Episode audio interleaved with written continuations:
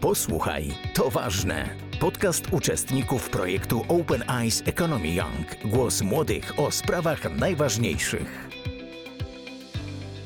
Dzień dobry, bardzo serdecznie witamy w podcaście Open Eyes Economy. Ja nazywam się Katarzyna Krause, jestem studentką socjologii na Uniwersytecie Jagiellońskim i uczestniczką e, projektu Open Eyes Young.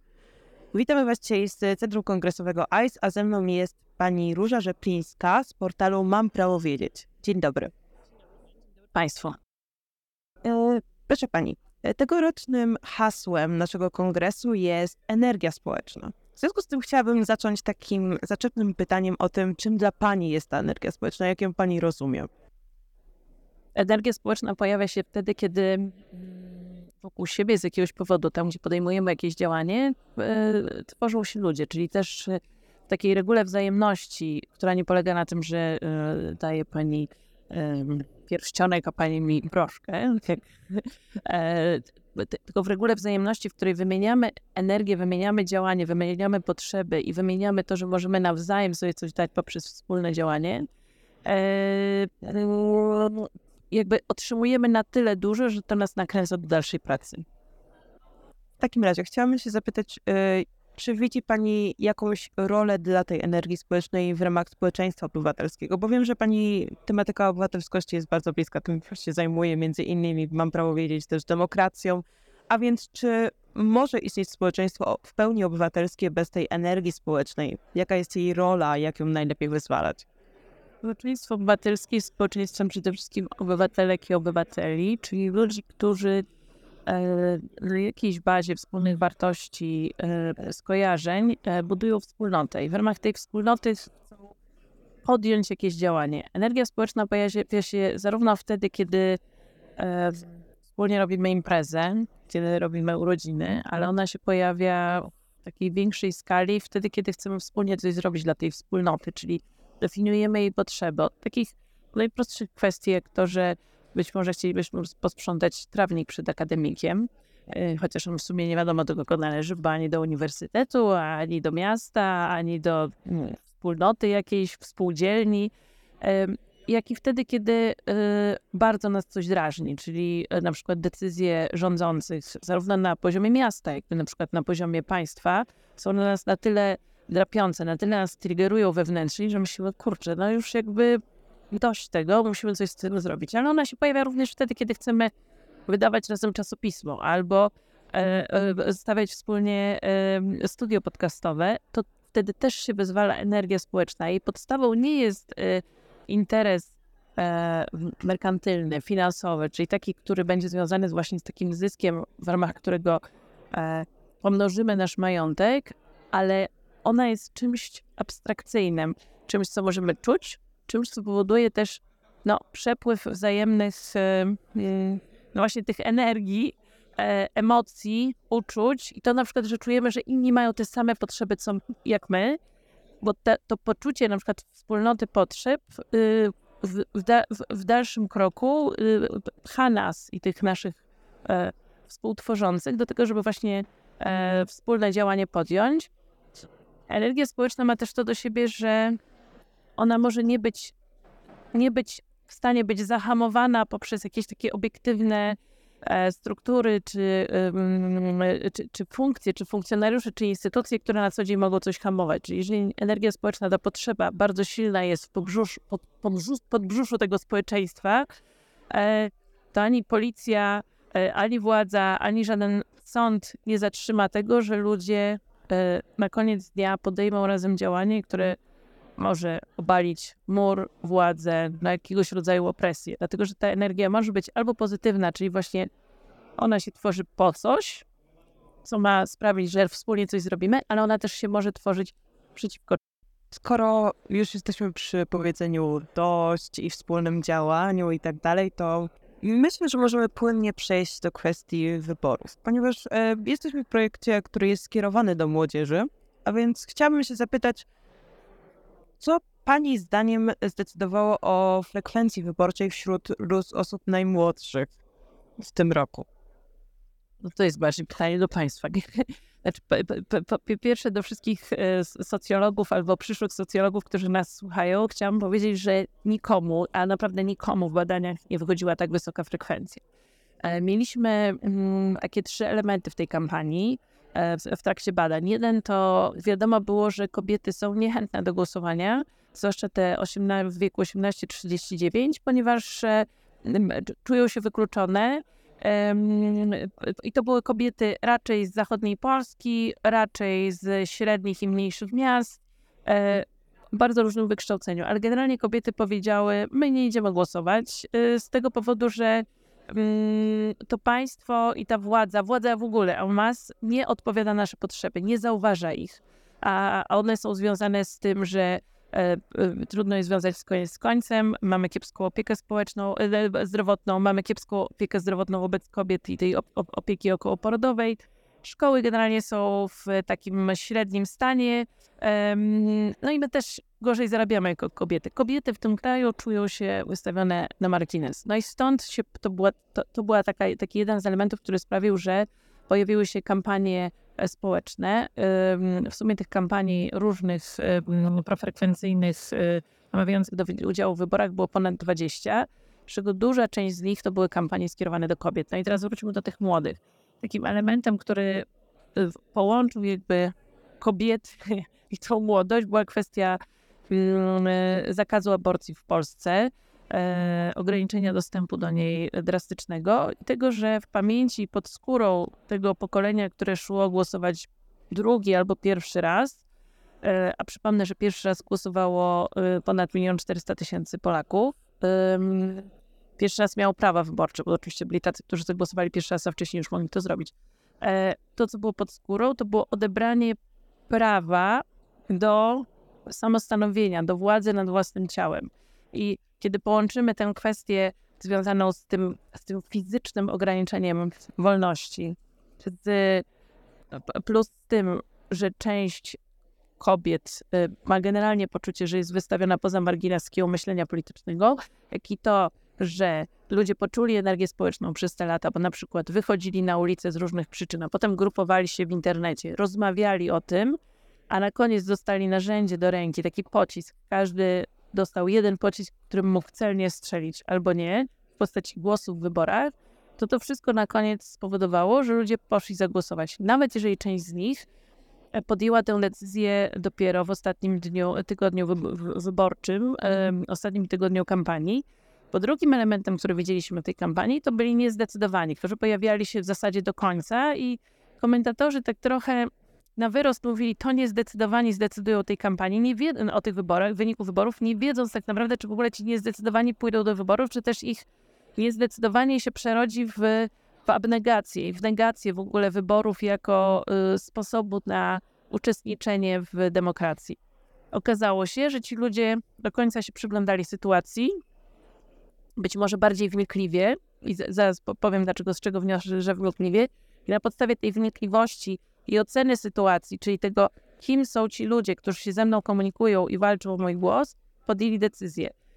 Dlaczego krytycznie? Dlatego, że mm, po wyborach e, pierwsze posiedzenie Sejmu, które trwa przez cały czas, a zaczęło się we wtorek e, e, w zeszłym tygodniu, w poniedziałek, przepraszam, 13, 13 listopada i ono trwa i ma trwać aż do powołania rządu to pierwsze posiedzenie oglądało 800 tysięcy osób na YouTubie.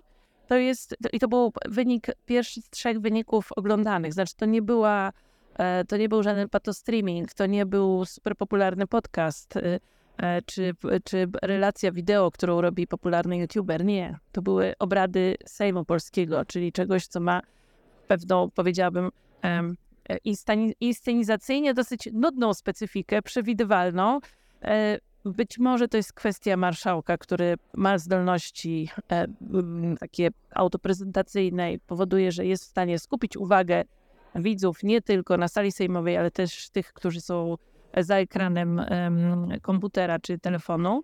E, ale też jednak stawiam taką tezę, że Polacy jakby na razie trwają w takim krytycznym przyglądaniu się temu, co się wydarzyło, co się wydarzyło z ich głosem.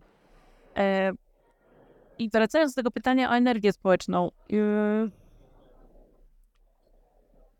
Paradoksalnie nie było takiego kandydata w tych wyborach, czy kandydatki, który nagra, nazwałby yy, potrzeby dużej grupy obywateli. To, który by powiedział my, który by powiedział my, naród, i duża grupa obywateli by poczuła, to jest o mnie. Tych opowieści było bardzo wiele, a jednak one się skumulowały y, w obrębie jednego sposobu oddania głosu. Być może to, że na te partie opozycyjne można było oddać trzy głosy, i celowo mówię o tych partiach opozycyjnych, plus jeszcze jest Konfederacja, tutaj powinniśmy ją wziąć pod uwagę jako ugrupowanie, na które głosują e, młodzi. E, bo, ty, bo, w obrębie tych trzech ugrupowań, ta grupa, o którą panią, pani pyta, znalazła swoich, znalazła możliwość na wzięcie udziału w wyborach. Nie wiem, czy znaleźli swoich kandydatów. Tu wątpię, bo jednak nadal jest tak w Polsce, że mm, głosujemy najpierw na ugrupowanie, potem na człowieka. Jakkolwiek wydaje mi się, że w tej grupie e, najmłodszych, najmłodziej głosujących, ta świadomość tego, te, tego wyboru, ja nazywam to trochę wyborem produktu, e, mhm. jest znacznie większa.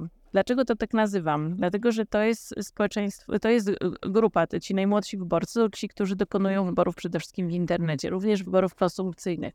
Wiedzą, jak to robić. W zasadzie są przećwiczeni w, e, w wyszukiwarkach internetowych, sklepowych y, tam szukają pracy, tam szukają zajęć na studia, na które mogą się zapisać i tak dalej, i tak dalej. E, tam szukają opinii różnego rodzaju i dokładnie w ten sam sposób szukali informacji na temat tego, w jaki sposób mogę zagłosować, jak mam ten głos oddać, jak mam się przepisać z mojej miejscowości, e, gdzie normalnie mieszkam, do miejscowości, w której dzisiaj pracuję albo w której studiuję, żeby być tam skutecznie dospisanym do, dopisanym do spisu wyborców. I wreszcie, jak mam znaleźć tę osobę, która być może odpowiada moim poglądom, które są, tutaj stawiam taką tezę, one są dla mnie równie ważne, znaczy równie utwierdzone, jak te, kiedy wybieram trampki do biegania i zajmuje mi to dwie godziny. E, I że być może ludzie po prostu poświęcili też czas na to, żeby dokonać tego wyboru politycznego w bardzo podobnym schemacie. Znaczy, to jest bardzo ciekawe, co pani mówi odnośnie tego, jaką internet pełni funkcję. Czy Pani doświadczeniu, w Pani rozmowach z młodymi, czy my się jako pokolenie naprawdę interesujemy polityką tak na co dzień, tymi kwestiami obywatelskimi i tak dalej? Czy to są po prostu raczej nasze zrywy, kiedy coś się dzieje, kiedy, nie wiem, właśnie protesty w 2020 roku? Nie wiem. Chcę powiedzieć, że od 2015 e, roku, kiedy mamy taką falę kolejnych wziąć, kolejnego brania udziału przez kolejne grupy społeczne w jakiejś formie demonstracji swoich poglądów, swojego oporu, swojego niezadowolenia bądź poparcia dla jakichś działań, no te 8 lat dla pokolenia, które wówczas miało 13, a dzisiaj ma 23, to jest cała epoka. Dla tych, którzy mieli 20, a dzisiaj mają 28, to jest cała epoka też w wyborze, w, w zmianie mm, momentu życiowego, prawda? Zmianie szkoły, wyboru pracy, być może wejścia w poważny związek, być może posiadania dzieci, rozważenia tego, gdzie i w jaki sposób mieszkam i tak dalej, i tak dalej. E, może, może stąd wyjeżdżam. E, więc ja nie chcę generalizować i nie wiem też, jak będzie za chwilę, ale chcę powiedzieć tyle, że e, dla części z Was ale też z nas, generalnie dla części społeczeństwa, doświadczeniem były, było wychodzenie na ulicę. Dla części było zaangażowanie w pomoc mm, uchodźcom wojennym. E, dla części, y, dla części z nas było zaangażowanie takie albo inne w wybory i w, w, w rozmawianie na temat tego, jak można walczyć o prawa reprodukcyjne, albo jak można walczyć o prawa dla e, osób LGBT. I teraz y, ja nie mogę powiedzieć, w ogóle nie chcę generalizować, że to jest pokolenie takie albo inne, natomiast faktem jest, że pracując w naszym serwisie e, Orientuj się, który jest w mediach społecznościowych na TikToku i Instagramie, zobaczyliśmy, że w trakcie kampanii wyborczej przede wszystkim użytkownicy, odbiorcy tych treści zadawali ba nam bardzo dużo, bardzo szczegółowych pytań z różnego poziomu i byśmy zobaczyli, że to było o tym, że nasi odbiorcy chcieli w kaloryczny, efektywny sposób wziąć udział w wyborach, zarówno jeżeli chodzi o właściwe użycie procedury wyborczej, jak i druga rzecz, jak znalezienie kandydata albo y, dowiedzenia się czegoś więcej o jakimś poglądzie politycznym. Więc w tym sensie to zainteresowanie y, polityką było szczególne. Czy ono się utrzyma? Nie wiem. Tu wróćmy do naszego początku. Na ile y, tematy wybierane przez nowy rząd będą odpowiadały na potrzeby pokolenia poniżej 28 roku życia. Czyli na ile będą w ogóle zwracać na to uwagę. Ja nie, jeszcze nie mówię o tym, jaki ma być ten wybór polityczny, ale czy w ogóle kwestia e, tego, e, jak mają wyglądać stosunki pracy, jak ci najmłodsi mają projektować swoją przyszłość, jeżeli chodzi o plan na mieszkanie. E, czy będziemy żyć, skupiać się w wielkich miastach, czy jest tak, że część z nas będzie mogła zostać w mniejszych miejscowościach i wieść równie satysfakcjonujące życie. To są pytania, które staną. I wreszcie bezpieczeństwo zarówno takie dotyczące zdrowia, jak i też takie, w których ktoś nam opowie, jaka ta Polska ma być. To znaczy, jakiej na przykład, jakiego typu pracy mamy szukać, bo to będzie związane też z tym, jaki ktoś ma pomysł na ten kraj, na jego rozwój. Czy mamy być montownią, czy mamy być e, krajem, w którym się produkuje, nie wiem, broń i w związku z tym zakłada się wielkie fabryki wokół tego przemysłu toczy się też e, cały przemysł edukacyjny, mówiąc brutalnie. To są pytania, które być może powinien. E, zobaczymy, jakie, jakie kwestie postawi rząd na swojej agendzie i na ile one będą tymi kwestiami, które na swojej agendzie stawia to, wydawałoby się, rozproszone pokolenie. Ale czy ono jest takie rozproszone? Na koniec dnia część z tych kwestii e, jest dla Was podobna. Nawet jeżeli macie e, różny poziom wykształcenia i mieszkacie w różnych miejscowościach i macie różne strategie, jeżeli chodzi o, e, o życie dalsze, prawda? Chociażby o szukanie pracy. E, skoro już e, padła kwestia związana z portalem Orientuj się, mogę zapytać się, jak przebiegły w ogóle prace na temat jego stworzenia, nad tym, e, nad próbami znalezienia tego języka z młodymi ludźmi, bo w jego redakcji są zaangażowani młodzi ludzie, z tego co pamiętam, tak? te osoby, które widzicie na ekranie. E, no poza tym, że jest e, mm, redaktorka w postaci mnie, która te kwestie merytoryczne, na ile one są zgodne z faktami. Myślę, że najlepiej byłoby zrobić wywiad, zorientuj się, z redakcją, a nie ze mną. No nie ma na polskim rynku i nie było kanału informacyjnego dla bardzo nie lubię tego powiedzenia dla młodych, tak jakby miały być kanały dla starych, ale nie było na polskim rynku informacyjnym y, kanału, który by, y, takiego pasa transmisyjnego, który by y, informował, podawał informacje, które są kluczowe dla tej, dla tej grupy odbiorców i stąd no jakby to ta redakcja, która się w 90% składa z osób około 22-3 roku życia, które one definiowały jako dla nich i dla ich pokolenia interesujące, właśnie triggerujące, zwracające uwagę, angażujące, yy, ale jednocześnie zostawię, chodzi o to, żeby zadać pytania i zostawić taką przestrzeń, w której człowiek będzie mógł następnie dokonać własnego wyboru, pójść gdzieś dalej, pogłębić tą wiedzę, ale jednocześnie nie odstręczać od polityki, to znaczy nie budować od razu wielkich narracji, dociążać te tematy, tylko jakby sprawiać, żeby ten, ten wstęp w to życie publiczne, w tą debatę publiczną był, um, nie, nie chcę powiedzieć absolutnie bezbolesny, ale taki po, pozwalający na to, żeby tego dotknąć, żeby się tym nie znudzić i żeby poczuć, to jest moje z jakiegoś powodu. Także z powodu rozrywkowego. I nie ma się co oszukiwać, naszym celem też było e, sprawienie, żeby polityka była trochę pop, e, a nie tylko, e, a nie tylko bardzo poważna. Z tego powodu, że bez tej, bez tej popularyzacji nie będzie aktywnego uczestnictwa, nie będzie świadomego uczestnictwa. Dlatego, że jeżeli ja mam wysoki próg wejścia do jakiegoś tematu, to po prostu do niego nie wejdę. Muszę najpierw go liznąć, poznać, a dopiero potem dokonam wyboru, czy mnie ten temat interesuje, czy nie. Ale jeżeli mam to, ten, ten próg wejścia od razu jest bardzo wysoki, czyli e, muszę znać definicje, nazwiska, niuanse, rozumieć kto z kim i dlaczego, to na nie pewno nie wejdę. generalnie jest tak, że ta kampania w ogóle zmieniła sposób relacji pomiędzy wyborcą a politykiem, bo wcześniej mieliśmy taką sytuację, w której w, w, no, w programach telewizyjnych siadał polityk i dziennikarz, i my jako odbiorcy byliśmy poza tym spektaklem, mogliśmy go oglądać, ale nie byliśmy jego częścią. Nie, nie mieliśmy tego poczucia, że, że ten polityk mówi do nas. I że to, to, to doświadczenie było bardzo trudne, żeby się w ogóle tam wbić. Tymczasem ta kampania, w której jednak politycy bardzo dużo jeździli po Polsce, naprawdę można było na te spotkania wchodzić. Oczywiście y, Prawo i Sprawiedliwość reglamentowało zaproszenia i ograniczało dostęp do spotkań, jakkolwiek na spotkania z mniejszymi posłami można, z posłami, że tak powiem, drugiego, trzeciego szeregu można było wejść.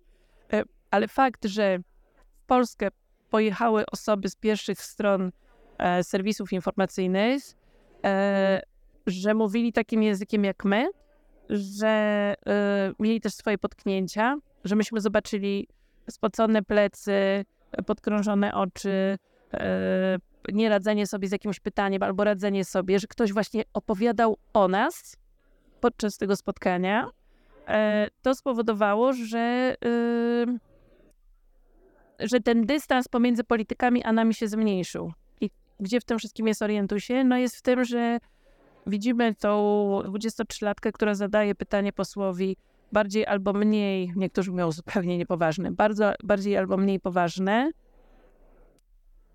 ale ona po prostu nawiązuje kontakt z tym, z kim na koniec dnia ona sama tego człowieka zatrudnia. Dlatego, że przypomnę, każdy z nas ze swoich podatków co miesiąc, nawet jeżeli do 26 roku życia teoretycznie ich nie płaci, ale generalnie każdy z nas ze swoich podatków e, zrzuca się każdego miesiąca na to, żeby ta władza w postaci 460 posłów, 100 senatorów, kilkudziesięciu ministrów e, oraz całej armii kilkuset tysięcy urzędników w tym kraju, nie mówiąc o nauczycielach i tak dalej, i tak żeby cały ten aparat państwa mógł funkcjonować. W związku z tym to, co możemy zrobić na wejściu do, do życia publicznego, mając lat 17, 18, 23, to uczyć się prawa własnego do tego, żebyśmy mogli stawiać pytania i żebyśmy mogli wyrabiać sobie opinie na temat polityków.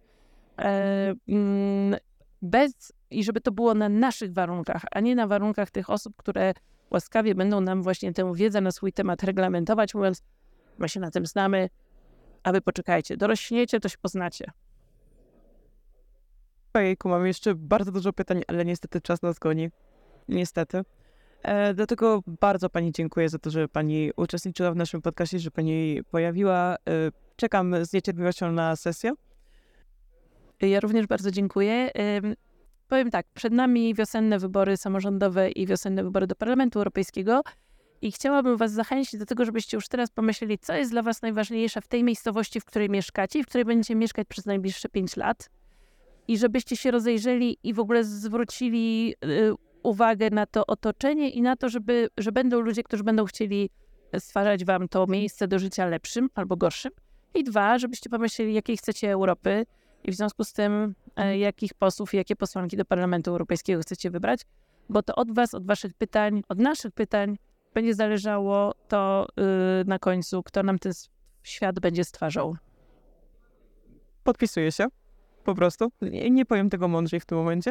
Bardzo dziękuję jeszcze raz. E, Centrum Kongresowym ICE nadawała dla Was Kasia Krause razem z gościnią e, Różą Rzeplińską. Do usłyszenia następnym razem. I dobrych wyborów. Posłuchaj, to ważne. Podcast uczestników Open Eyes Economy Young. Projekt jest finansowany przez Islandię, Liechtenstein i Norwegię z funduszu EOG w ramach programu Aktywni Obywatele, Fundusz Regionalny.